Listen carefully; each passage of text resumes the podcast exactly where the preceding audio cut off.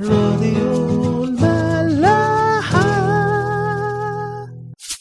اديتور دعم.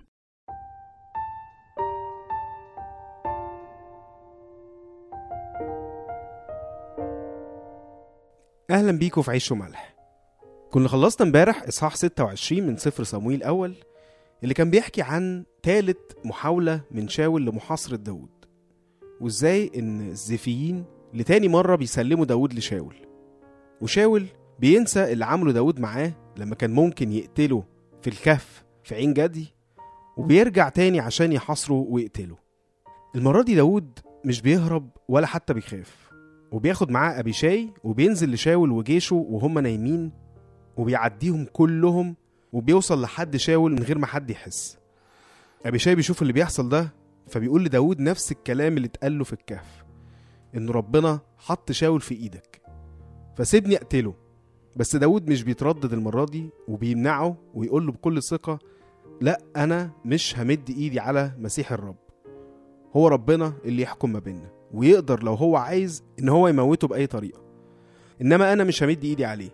وبياخد منه الحربة بتاعته وكوز الماء اللي بيشرب منه وبيرجع تاني لحد ما يكون بينه وبين شاول وجيشه مسافة كبيرة فبينده على أبنير رئيس جيش شاول.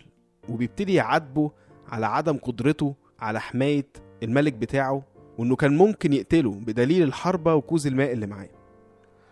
شاول بيصحى في وسط الحديث ده وبيعرف إن هو داوود. وبنلاقي شاول بيكلمه بنفس الطريقة اللي كان بيتكلم بيها قبل كده. يقول له يا ابني داوود هو ده أنت؟ وأنا غلطت فيك وأنا كنت أحمق لما عملت حاجة زي كده.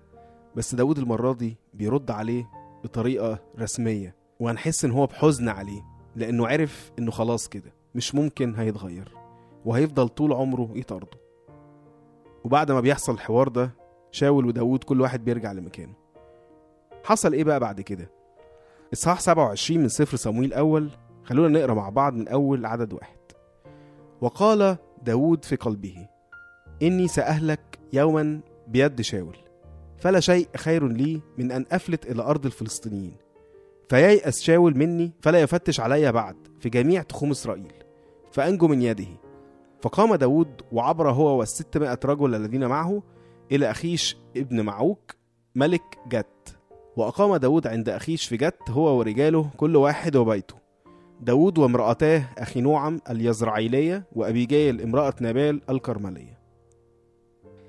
زي ما كنا لسه قايلين إن بعد آخر مرة شاول حاول يقتل داود داود ساعتها اتأكد إن مهما حصل خلاص شاول هيفضل طول عمره يطارده ويحاول يقتله. في الإصحاح ده يقول لنا إن داود ابتدى يفكر. طب أنا هفضل كده طول عمري؟ أكيد هيجي لي يوم شاول هيقتلني برضه. لا أنا أحسن حاجة أهرب لأرض الفلسطينيين. إحنا عارفين إن شعب إسرائيل والفلسطينيين أعداء فمش ممكن شاول هيقدر يوصل لداود وهو عندهم. وفعلا داود بياخد 600 راجل اللي معاه ومراتاته الاتنين أخي نوعم وابيجايل وبيروح لاخيش ملك جت يلجأ له. إيه بقى اللي عمله داود ده؟ بالفكر العالمي في مقولة معروفة كده بالإنجليزي The enemy of my enemy is my friend. يعني عدو عدوي هو صديقي. وده اللي عمله داود إنما لا يا داود مش شرط أبدا. ممكن عدو عدوك يبقى عدوك أنت كمان برضه.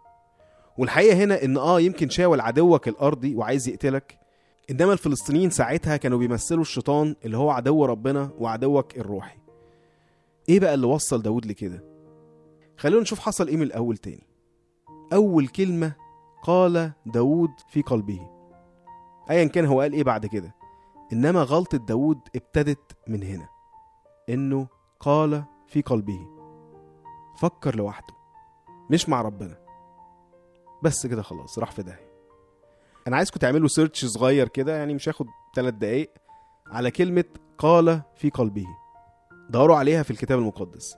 مفيش مرة هتلاقيها في الكتاب غير لما تلاقي وراها مصيبة. مهما كان اللي بيقولها كويس أو وحش إنما مفيش خير من وراها ابدا. داود اللي طول عمره عايش على الصلاة والمزامير ساب كل ده وابتدى يفكر لوحده. بولس يقول كده في رسالته إلى غلاطيا صح الثالث عدد ثلاثة يقول أهكذا أنتم أغبياء أبعدما ابتدأتم بالروح تكملون الآن بالجسد فدي حاجة لازم نفهمها كويس قوي. في أي وقت هنفكر لوحدنا في أي حاجة هنقع. وفي أي وقت هنشارك ربنا في أفكارنا هيرشدنا وهيعمل الصالح. حتى لو جوانا قوي عندنا مقاومة أو مش عايزين نسمع قوي اللي ربنا بيقوله. برضه ربنا هيتصرف وهيرشدنا وهيعمل الصالح. والحقيقة ده جزء مهم قوي في الصلاة كتير مننا بيتجاهله. وبيعتمد بس على الحاجات المحفوظة. الشكر والطلبات العامة من ربنا المادية أو حتى الروحية وبس كده. إنما تفاصيل حياتنا ومشاكلنا كتير قوي بنطلعها بره صلاتنا وبنخليها لروحنا. ويوم ما نتكلم فيها بيبقى مع أصحابنا أو أي حد قريب مننا.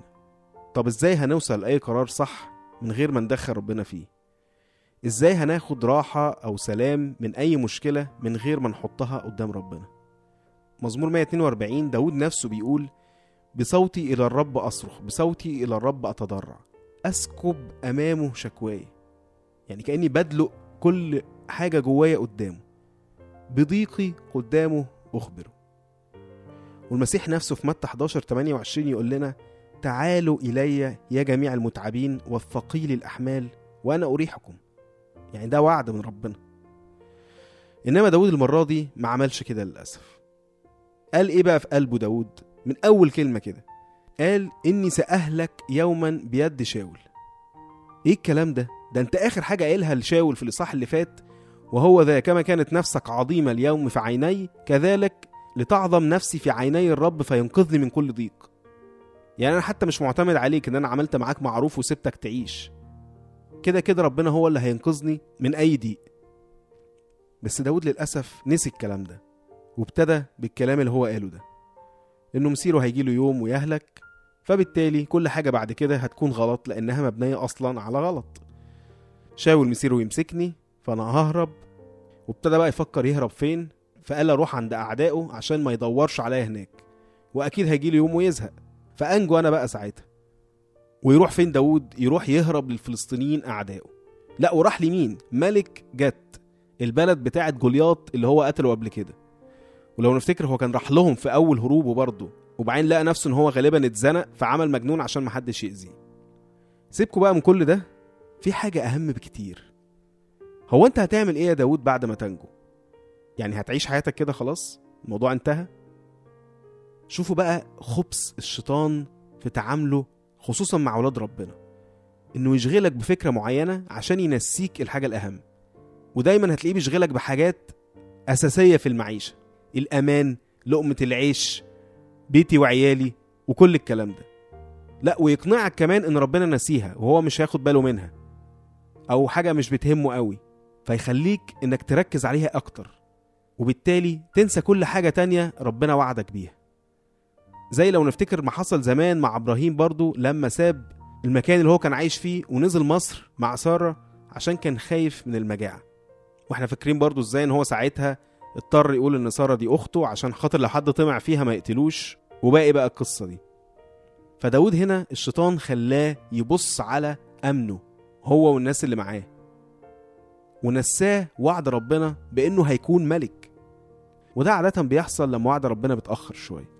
الواحد بيقول طب أنا مآمن ماشي بس يعني شكلنا مطولين كده. فطالما هنطول أحاول بقى أتكيف مع الوضع المؤقت ده لحد ما ربنا يسهل ويفتكرني. وبنصدق إن ربنا فعلا بينسانا أو بيضيع وقتنا. وإحنا كنا اتكلمنا في الموضوع ده قبل كده إزاي إن ربنا مش هيتأخر يوم واحد ولا حتى ساعة واحدة عن تحقيق وعوده لينا من غير لازمة. عارفين عاملة بالظبط كأن ربنا بيحطنا في الفرن بتاع التجربة ده عشان يستوي. فلما النار تعلى علينا شوية ننسى بقى إحنا هنا ليه أصلا. ونفتكر إن ربنا بيولع فينا وخلاص عايز يعذبنا. أو يمكن نسينا جوه فبنخاف على نفسنا إن إحنا نشيط أو نتحمص أو يحصل لنا حاجة زي كده. فنقوم واخدين بعضنا وسايبين الفرن. طيب ماشي مشيت. وسبت التجربة. بس وبعدين؟ اولا ما وصلتش للي ربنا كان محضره لك. وكمان كل الشغل ده والوقت اللي أنت قضيته والتعب اللي أنت تعبته هيروح على الفاضي. في ملاخي ثلاثة في نفس الفكرة دي. ربنا يقول إيه؟ ها أنا ذا أرسل ملاكي فيهيئ الطريق أمامي ويأتي بغتة إلى هيكله السيد الذي تطلبونه وملاك العهد الذي تسرون به. هو ذا يأتي قال رب الجنود. ومن يحتمل يوم مجيئه؟ ومن يثبت عند ظهوره؟ لأنه مثل نار الممحص ومثل أشنان القصار. فيجلس ممحصا ومنقيا للفضة فينقي بني لاوي ويصفيهم كالذهب والفضة ليكونوا مقربين للرب. تقدمة بالبر فتكون تقدمة يهوذا وأورشليم مرضية للرب كما في أيام القدم وكما في السنين القديمة. يعني عشان نقدر إن إحنا نقابل ربنا لازم نتنقى وعشان نتنقى لازم نخش في النار. ربنا بيدخلنا في النار بتاعت التجربة دي عشان نتنقى زي الذهب والفضة. فلما نخرج ونسيب التجربة أو النار بتاعتها قبل ما ربنا يخلص شغله مش هنتنقى ومش هنوصل للصورة اللي ربنا عايزها. وفعلا ده اللي داود عمله بيروح داود لأخيش ملك جت وزي بيعمل لجوء للفلسطينيين. فأخيش بيدي لداود حتة اسمها سقلاغ عشان يعيش فيها هو واللي معاه. لو تعرفوا أي حد بيعمل لجوء أو حتى بيسافر مكان ويبقى عايز يعمل إقامة وجنسية وياخد باسبور وكده هنلاقي إنه بيقعد فترة طويلة وساعات طويلة قوي في المكان ده تحت الملاحظة. يشوفوا مدى بقى ارتباطه بالمكان عايش ومستقر وبيشتغل ولا لأ آه، ملوش مشاكل. وبعد فترة يجيبوه بقى عشان يحلف القسم ويعلن ولاءه للبلد الجديدة اللي هو هيعيش فيها دي. يعني معظم الناس اللي إحنا نعرفهم إن ما كانش كلهم بيروحوا البلاد ملهاش عداوة مع مصر. فيعني التفاصيل دي كلها عادة بتبقى سورية ومش عميقة قوي. بس تخيلوا بقى لو واحد راح بلد معادية لمصر أو مصر في حرب معاه. بتلاقوا الشخص ده لو البلد دي استقبلته بيتحط تحت ملاحظة دقيقة جدا ومراقبة يمكن 24 ساعة في ال 24 ساعة. ويمكن بعد كده توصل لاختبارات عشان يضمنوا أولا إنه قطع علاقته ببلده وإنه على الأقل على الأقل مش هيكون جاسوس عليهم ويضرهم بأي شكل. واضح بقى إن داود كان مفكر كويس وعامل حسابه الموضوع ده. خلينا نشوف عمل إيه. من أول عدد 8 وصعد داود ورجاله وغزوا الجشوريين والجزريين والعمالقة لأن هؤلاء من قديم سكان الأرض من عند شور إلى أرض مصر. وضرب داود الأرض ولم يستبق رجل ولا امرأة وأخذ غنما وبقرا وحميرا وجمالا وثيابا. لحد هنا الكلام طبيعي. داود بيطهر الأرض من أعداء ربنا زي ما كان ربنا وصاهم. إنما للأسف داود ما كانش بيعمل كده عشان يطهر الأرض ولا عشان يرضي ربنا. بيقول لنا كان بيحارب الشعوب دي ويقتلهم كلهم وياخد الغنايم ويرجع على أخيش أخيش اللي هو الملك اللي هو لجأ له. وطبعا هو بيرجع له بالحاجة دي عشان يرضيه أو كأنها جزية. فلما أخيش بقى كان يسأل داود أنت عملت إيه النهارده؟ حاربت ولا لأ؟ فداود يقول له آه حاربت. بس يقول له حاربت مين بقى؟ جنوبي يهوذا وجنوبي اليرحميئيليين وجنوبي القينيين كل دول تبع شعب إسرائيل. وداود كمان كان ذكي ما كانش بيسيب فيهم أي حد حي عشان ما حدش يجي يقول لأخيش إنه لا إحنا مش من الشعوب دي إحنا من الشعوب اللي هي الجشورين والجزرين والعمالقة. هو بيقول كده فلم يستبق داود رجل ولا امرأة حتى يأتي إلى جت إذ قال لئلا يخبروا عنا قائلين هكذا فعل داود إن هو حاربنا إحنا ما حاربش شعب إسرائيل. ويكمل يقول وهكذا عادته كل أيام إقامته في بلاد الفلسطينيين. هو ده اللي كان بيعمله طول وقت قعدته عند الفلسطينيين. يروح يحارب ناس غير شعب إسرائيل ويخلص عليهم كلهم وياخد الغنائم ويرجع على أساس إن هو حارب شعب إسرائيل. ودي الغنائم بتاعته. فطبعا أخيش بقى لما كان بيشوف الكلام ده يقول لنا فصدق أخيش داود قائلا قد صار مكروها لدى شعب إسرائيل. أكيد بعد ما عمل كل ده هيبقى مكروه عند شعبه. وإيه بقى؟ فيكون لي عبدا إلى الأبد. أخيش بلع الطعم اللي داود اداهوله وصدق التمثيلية دي. وبيخلص الإصحاح على كده. شوفوا بقى البهدلة اللي وصل لها داود. وإزاي بقى عايش بوشين. وعمال يورط نفسه أكتر. وليه كل ده؟ عشان في الأول خالص فكر لوحده ومرجعش لربنا. ولو أخدنا بالنا بقى هنلاقي الإصحاح كله ما فيهوش أي ذكر لربنا. ودي دايما نتيجة بعدنا عن ربنا. في الأول نسيان للوعود وبعدين توهان وبعدين نعيش بقى زي العالم. نفاق وكذب وأي حاجة هيجرنا الشيطان ليها عشان نقدر نجاري العالم اللي هو رئيسه. عايزين بس قبل ما نخلص كلام عن الإصحاح إننا نلاحظ حاجة اتقالت كده في نص الإصحاح في عدد سبعة. يقول إيه وكان عدد الأيام التي سكن فيها داود في بلاد الفلسطينيين سنة وأربعة أشهر. دي الفترة اللي خرج فيها داود من التجربة اللي ربنا كان حاطه فيها من الفرن. طبعا هي حاجة عمرنا ما هنعرفها بالظبط بس بالإيمان كده لازم نكون واثقين مية في المية إن لو كان داود فضل مع ربنا ويروح معاه المكان اللي ياخده فيه كان زمان الموضوع خلص وبقى داود ملك على إسرائيل. يمكن في أقل من سنة أو حتى أقل من شهر كمان. وهو نفسه قال كده في الإصحاح اللي فات إن ربنا قادر إن ياخد شاول بأي طريقة لو هو عايز. فهو كان عارف إن الموضوع في إيدين ربنا.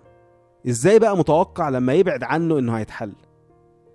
أقوى دليل على اللي إحنا بنقوله ده هو لو نفتكر رحلة شعب إسرائيل في البرية لأرض الموعد. مسافة كانت تاخد شهور قليلة إنما بسبب عدم إيمانهم فضلوا في البرية 40 سنة. لحد ما ماتوا كلهم وما وصلش من اللي خرجوا من أرض مصر غير اتنين يشوع وكالب ففي الآخر كده عايزين نحط حاجة في دماغنا إن زي ما خدنا في الهندسة كده زمان إنه أقصر مسافة ما بين نقطتين هي خط مستقيم لازم نتأكد إنه أقصر مسافة بين نقطتين في حياتنا مع ربنا هو ربنا نفسه يا ترى هيحصل إيه بعد كده؟ هل أخيش هيفضل مصدق داود؟ هل داود هيفضل مكمل في التمثيلية دي؟ هنشوف في الحلقة اللي جاية من عيش وملح. راديو ملاح.